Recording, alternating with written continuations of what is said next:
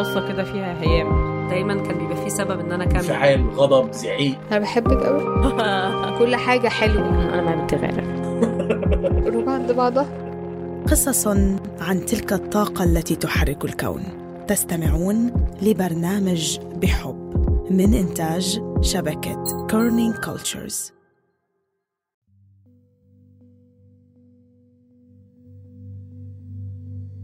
وجوده بالحياة بيشبه وجود الحياة نفسها. فيها كل شيء فيها صعب وسهل وبشع وحلو ومنتقد وإنساني ولا إنسان يعني الحياة هي هيك مثل بيوتنا. إحساس إنه أنت في عندك البيت اللي ممكن بأي لحظة تاخد قرار ترجع له. هو مش صعب هو ناقص. لأنه بدونه أنت كمان خيوطك أقل الخيوط اللي بتربطك أقل. هو بيعطي صلابة بمحل وبيعطي ضعف وهشاشة بمحل. بيعطي حرية بمحل وبقيد بمحل. الخيوط اللي بتربطك أقل هذه هي الجملة اللي دا أدور عليها. تمام عبر عن المشاعر اللي حسيت بيها من لما كبرت بعيد عن بيتي.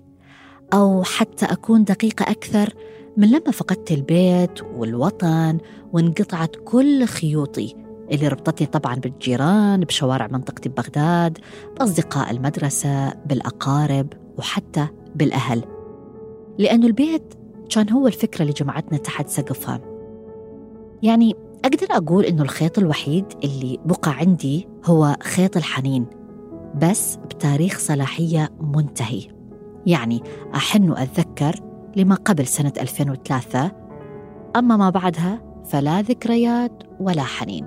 وكأنه عمر خلص وبدأ عمر جديد. أدور بيه عن معنى الانتماء والاستقرار. أدور بيه عن خيوط جديدة تربطني بشكل أو بآخر بالأماكن وبالناس. أو بيت أقدر أرجع لما أريد أو أقدر أحن له وأقدر أترك بيه أغراضي ويمكن أخلق منها ذكريات وأرشيف هذا هو السبب اللي خلى سارة تشاركنا بهاي الحلقة. سارة قررت تقابل أشخاص. البيت بالنسبة لهم أكثر من مجرد جدران إسمنتية. البيت بالنسبة لهم هوية ووجدان وزوايا بأبعاد روحية. أولهم كان الصوت اللي سمعتوه قبل شوي وهو صوت تمام هنيدي. تمام شاعر وكاتب صحفي من سوريا. كمان رح نسمع من مريم كحلة وهي دكتورة عراقية تركت بغداد بعد زواجها والسبب رح نعرفه من خلال الحلقة. دائما كنت أفكر بموضوع البيت ودائما أحب أحكي عنه وأتناقش بيه ويا أصدقائي. يمكن لأنه البيت بالنسبة لي هو يشكل ملاذي الروحي والفكري. وبالنسبة لي فكرة البحث عن بيت هي كأنه البحث عن مكان يحتويني ويحتوي قلبي. خلوني هسه أرجع بيكم الخط البداية. نرجع بذاكرة مريم وتمام لبيوتهم وللمكان الأمة أنا ولدت ببيت جدي أبو أمي وهذا البيت بالسويدة المدينة بجنوب سوريا. ولدت بصالون هذا البيت وظل عندي علاقة خاصة دائما مع صالون بيت جدي. فعلا من أكثر الأماكن اللي كنت حس فيها بالراحة لما كنت بعدني بالبلد. رغم أنه الطفولة توزعت بأكثر من مكان ورغم إنها ما كانت يعني مستقرة لكن من بعد عمر العشر سنوات ترسخ شيء عندي إنه خلص هذا هو بيتنا بيت الضيعة. ونشأت علاقة هي هي صارت مفهومة و صارت اشتق لها بعد ما تركت بعد ما فليت يعني. أقدر أقول إنه وضعي أو ذكرياتي قريبة نوعا ما من اللي عاشه تمام. يعني نشأت ببيت أقدر أوصفه أنه هو كلش حلو. كان قريب من بيت جدي أو نقدر نقول يعني حايط بحايط واللي كان هو أصلا بيت جدي بيت عائلة كبير بأعمامي وأولادهم والأحلى أنه كان أكو حديقة واسعة على ما أتذكر. هذه الحديقة كانت مشتركة بين البيتين بيتنا وبيت جدي. هي أوصفها بأنه هي رقعة خضراء من السعادة بها لعبت ودرست. ودورت على سنافر لأنه كنت مقتنعة أنهم عايشين ويانا وتحديدا بحديقة البيت. بس رحلة البحث توقفت لما قررنا نترك البيت ونروح البيت ثاني وهالمرة من دون حديقة. عشت بي فترة بسيطة كلش من حياتي والسبب طبعا التنقل ظروف الحرب اللي اضطرتني أنه أترك البيت وأسافر وأنا بسن المراهقة. بالنسبة لمريم الوضع عندها كان مختلف نوعا ما. مختلف بمعطياته بس النتيجة على ما يبدو كانت وحدة. كل بيت أسويه هو كأنما هو نسخة من بيت أهلي اللي كنت ساكنة بيه. يمكن هذا أنا مرات أقول هو نوع من التعلق أنه دائما أريد أكون في مكان يذكرني في بيت أهلي. يذكرني بالماضي يذكرني بطفولتي. حتى لو أنا في قارة ثانية في دولة ثانية في مجتمع آه، آه، بيئة تماما مختلفة بس لا عندي فد تعلق ب أو حنين للماضي للطفولة. نقطة مهمة هم ببيوتنا ببغداد إنه إحنا ما كنا نتنقل هواية. يعني هو البيت أني من كنت صغيرة إلى أن تزوجت هو نفس البيت. فالبيت هذا يشهد الطفولة والمراهقة والجامعة بعدين الخطوبة بعدين الزواج يعني كل المراحل تكون بمكان واحد. كأنما يعني كل كل جزء من البيت هو شاهد أنه هذه الطفلة هنا مشت وهنا كبرت وهنا بعدين صارت عندها مثلا نجحت بالابتدائية بعدين متوسطة بعدين جامعة يعني إحنا بالعراق مرينا بحروب. يعني إحنا من كنا يعني اجلنا في بطون أمهاتنا إحنا حرب. بعدين عندنا حرب التسعين اللي هي من إحنا بعمر الابتدائية. فالبيت كان هو طبعا الأمان الملاذ بالحرب. وكنا بفترة الحرب فترة التسعين إحنا أطفال. بالنهار يعني أو لحد العصر إحنا نلعب بالشارع. كانت حتى أكو لعبة نلعبها اسمها وقعة الحرب. إن نرسم دائرة وبعدين متفرعة منها دوائر وكل واحد ياخذ اسم دولة ويوقف شخص بالنص ويقول وقعت الحرب على مدينة وكل واحد هو مختار مدينة. أثناء اللعب والهوسة وإحنا دا نلعب تصير غارة.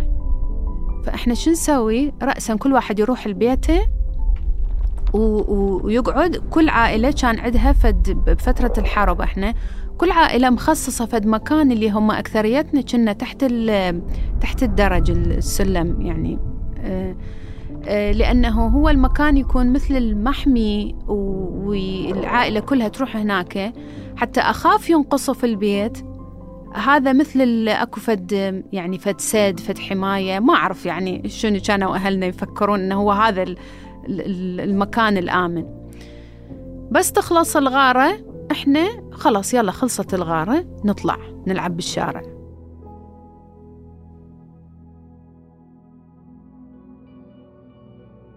على الرغم أن الحرب اللي تحكين عنها مريم هي صارت بالثمانينات أو يمكن بأول التسعينات وصحيح أنا ما أتذكرها أو كنت كلش صغيرة على أني أتذكرها بس عشت بعدها حرب ال 98 حرب أمريكا على العراق. هاي كانت تقريبا الحرب مدتها أربع أيام. حرب أوصفها بأنه هي كلش مخيفة. أتذكر تماما شلون كنا نتخبى تحت الدرج حتى نحتمي من الصواريخ واللي كانت شظاياها تسقط علينا وعلى البيت مثل المطر. كنت أصحى الصبح أخذ البايسكل وكأنه شيء لم يكن. ألف بشوارع المنطقة وأضحك مع الجيران وألعب. وأول ما أسمع صوت الغارة أرجع ركض للدرج حتى أتخبى.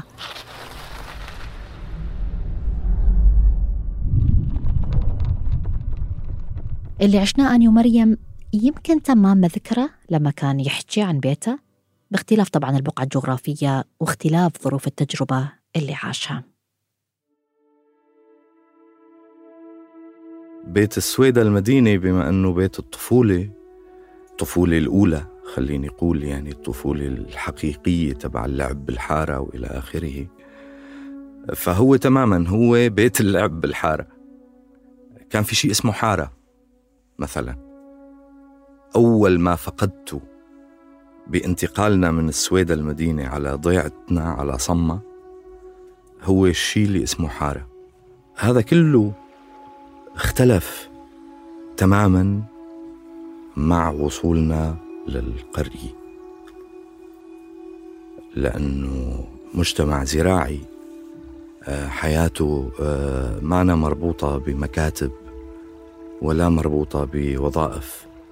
يعني علاقته المباشرة رب العمل المباشر تبعه هو الله.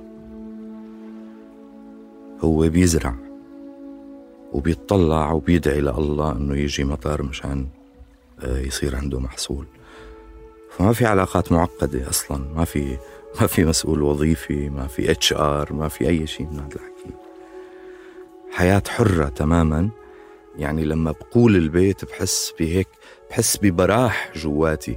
لأيمة هذا الامتداد لأيمة رح يكمل معي بحياتي. ما عندي فكرة بصراحة. أبدا ما عندي فكرة. بس آه، العلاقة برية فعلا مع كل شيء كانت مع الأكل والشرب ونمط الحياة والسلوك والطبيعة والحجر والجغرافيا.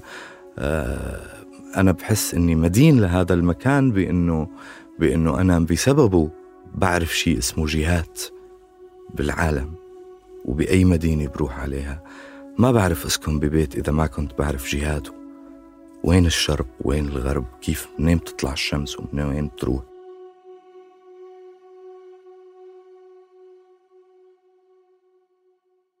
فاصل ومنرجع.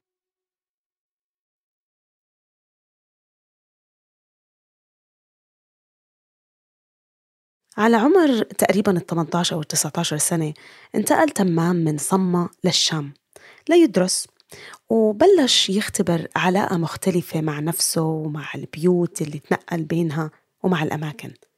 أما مريم فهي تخرجت من الجامعة ببغداد تجوزت وانتقلت من بيتها لبيت أهل زوجها. بترككم مع سارة. أما أني فبعمر تقريبا ال 14 سنة يعني تحديدا بعام 2003 قبل ما تبدي الحرب الأمريكية العراقية بشهرين. انتقلت من بلدي إلى بلد آخر ومنزل آخر سكنت مع أهلي وكان عبارة عن شقة صغيرة. اللي اختبرته كان يشبه حالة من الضياع. عقلي وقلبي في بيتي ببغداد وبمدرستي وجسدي بمكان آخر ولكنه آمن. يعني على ما يبدو أنه أني وتمام ومريم اشتركنا بشيء واحد وعرفنا أنه لحظة الانتقال هذه تعني بداية رحلة جديدة للتعريف بها عن أنفسنا.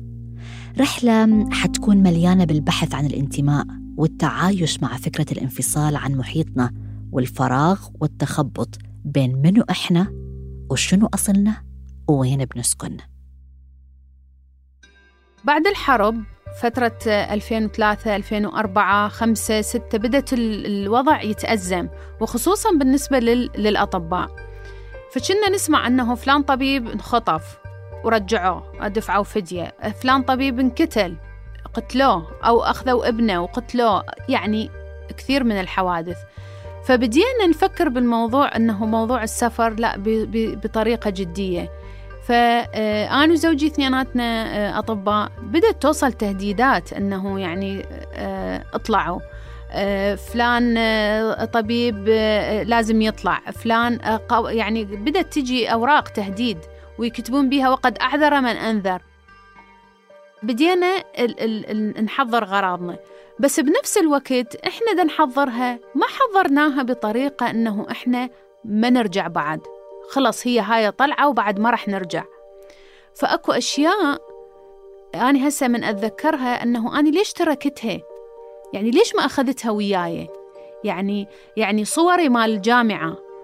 ليش ما أخذتها وياي؟ يعني أنا يمكن هسه من أتذكر أقول يمكن كانت الملابس المفروض أتركها وأخذ هاي الصور أخذ مثلا صورة التخرج مالتي. لأنه الملابس تكبر تصغر تصير قديمة بس هاي يعني هذه هذه تاريخ. وبليلة وضحاها انقلبت حياة مريم وصار لازم تترك بغداد. فين نقلنا؟ رحنا العمان. يعني كانت مثل المحطة. ففي هاي المحطة محطة غير مستقرة. إحنا بعدنا مدى نعرف هذا هذا شعور الشعور العدم الاستقرار جدا مزعج. استقرار له معاني. له معاني وله آثار بحياتك بحياة كل شخص. يمكن له له مساوئ وارد جدا بس هو كمان له معنى. وجود الجيران له معنى. آه لما بتنقل كل ثلاث شهور بيت أنت ما بتلحق تعمل جيران. اللي بيعرفوني بيعرفوا إنه أنا أصلا يعني لعيت قلب الكوكب قد ما صرت حاكي إنه هذا شيء متعب. الناس ضاجت يمكن قد ما فعلا كتبت عن المزاج السيء الذي يترك الانتقال من مكان لمكان ومن بيت لبيت بالنسبة لي. اللي بيتركه علي. أنا وصلت على ستوكهولم. أول أيام كانت موزعة ما بين أوتيل وبيوت أصدقاء وكذا. بعدين بلشت الرحلة السيزيفية مع إنك كنت تنقل أغراضك إلى أماكن تعيش فيها. لما بتغير 17 بيت بظرف سبع سنين ونص أول شيء أنت خسرت معاني للاستقرار. بتصفي علاقتك مع كل الأماكن هي علاقة سريعة يعني شيء بيشبه العلاقات العابرة يعني. شيء العلاقات الإنسانية العابرة يعني. إنه يلا علاقة عابرة ما في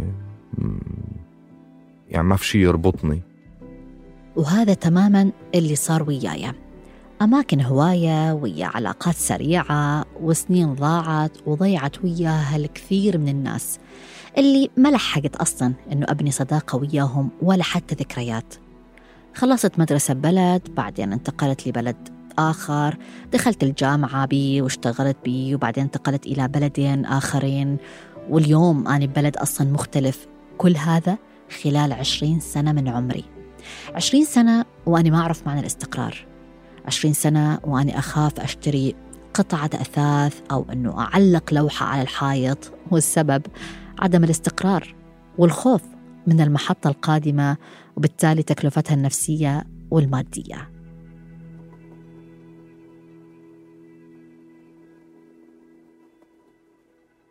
من عمان آه، قررنا إنه خلاص خلينا آه، ما نبقى بعمان لأنه عمان ما كانت مكان آه، واحد يطول به لفترة طويلة بسبب الوضع الاقتصادي مو مكان إحنا كعراقيين نستقر به فترة طويلة.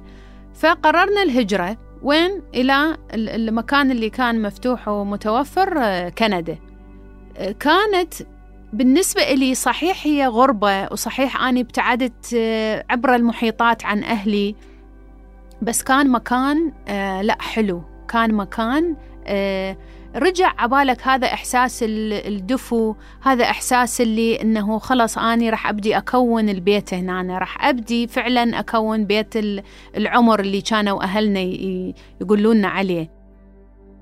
أنت كل مكان جديد بتروحي عليه بدون أي استثناء.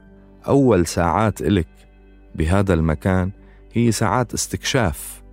شيء له علاقة بثقافة المكان اللي أنت عايشة فيه فبتستهلكي شوية وقت لتفهمي السيستم العام الناظم لحياة هذا الحي أو هاي البلد. فأنت دائما بتكون حريص. أول انتقالك على مكان جديد بتكون حريص وقلق. يعني ما ما بتحس بطمأنينة مع كثرة الانتقال. على الرغم من أنه كثرة الانتقال تعني كثرة التجربة.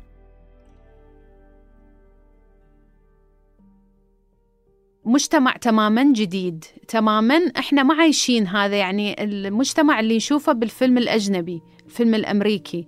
بس إحنا ما عايشين به هسه إحنا كأنما آه نقلونا في داخل فيلم.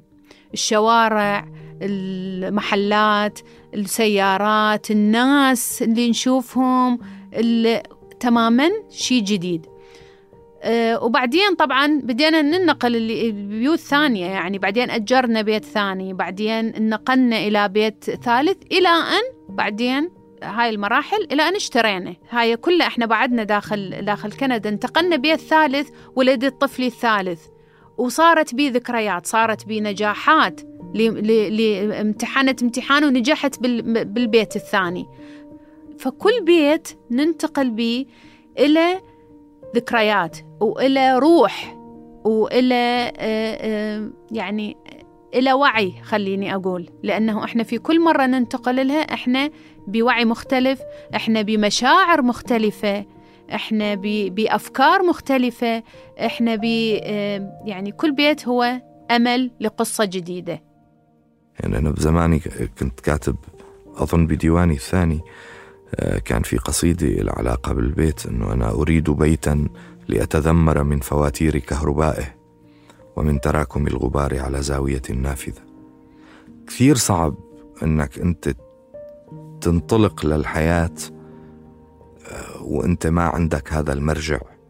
أو إذا بدك خليني هون يمكن أدق إذا منقول أنه كثير مش كثير صعب لا كثير ناقص إنك تنطلق للحياة بدون ما يكون في البيت بمرجع ما إلك بظهرك.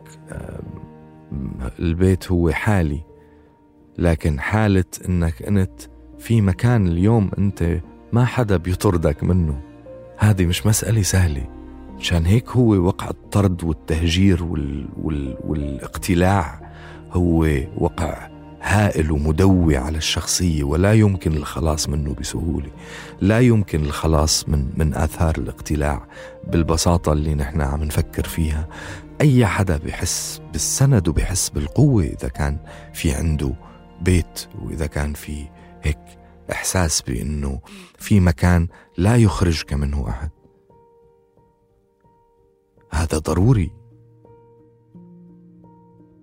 وهذا اللي خلاني أفكر أشتري بيت حتى أتخلص تحديدا من وقع الاقتلاع اللي ذكره تمام. صحيح اشتريت بيت بغير بلدي بس عندي إحساس أنه يمكن بيوم من الأيام يكون هذا البيت مرجع إلي وسند. وبحب هنا أنا أستخدم وصف تمام يكون الظهر ويمكن أعلق على حيطان الصور اللي أحبها وتبقى موجودة ويمكن أقدر أحتفظ بالصور وذكريات بصندوق صغير. بغرفة من غرف البيت وما تضيع من كثرة التنقل أو أنساها ببيت أحد الأقارب ويتلفها عن طريق الخطأ.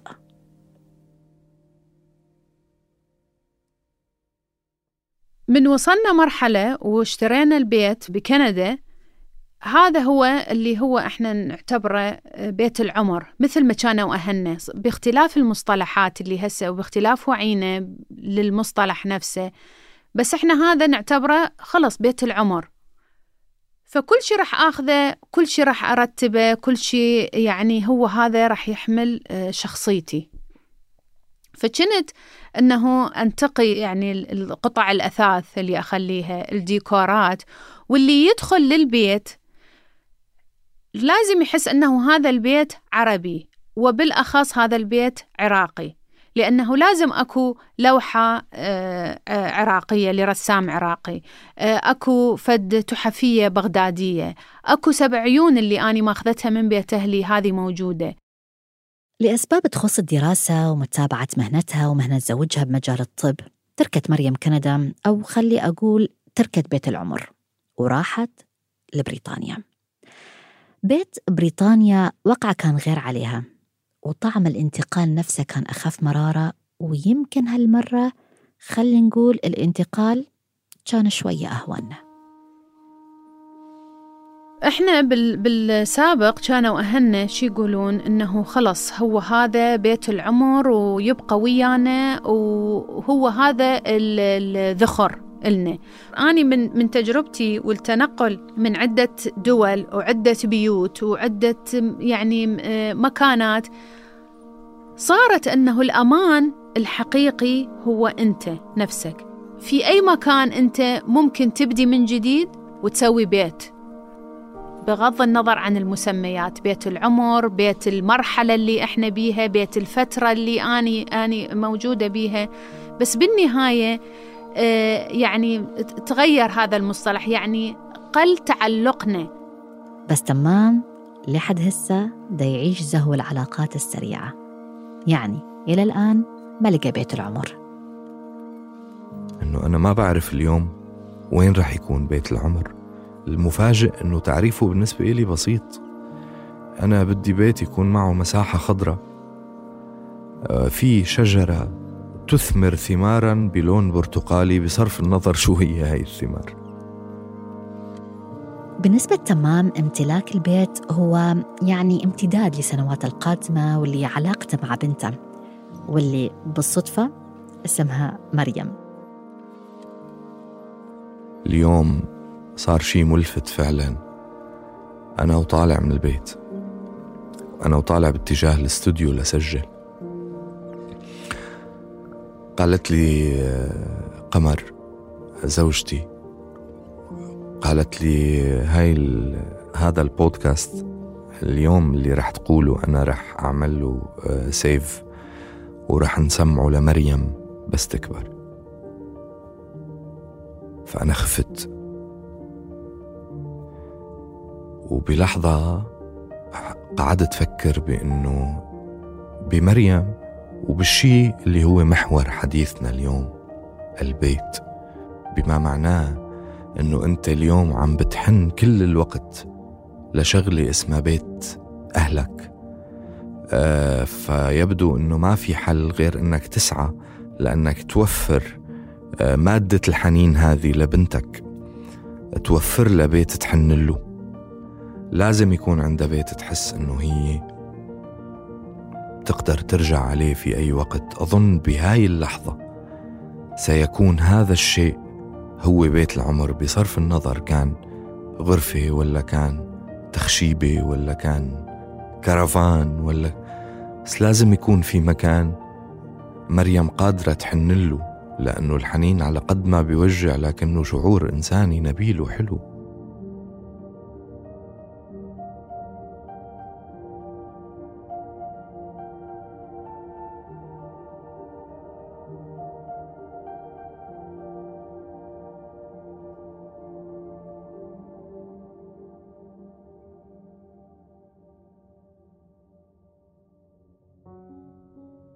هاي الحلقة من إعداد سارة أحمد وبمساعدة طيبة حميد وبدعم تحريري مني أنا شهد بن عودة ومن الفريق العربي.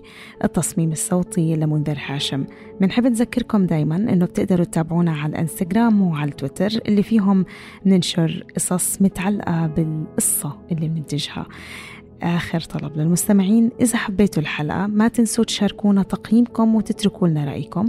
لأنه التقييم والرأي بسهل إنه كتير ناس تلاقينا على منصات بودكاست أكتر. وإذا حبيتوا الحلقة ما تنسوا تشاركوها مع الأصحاب والأحباب. وما تنسوا تشتركوا بالقناة وتضلكم تابعينا بلاقيكم الأسبوع الجاي بحلقة جديدة من بحب. باي باي.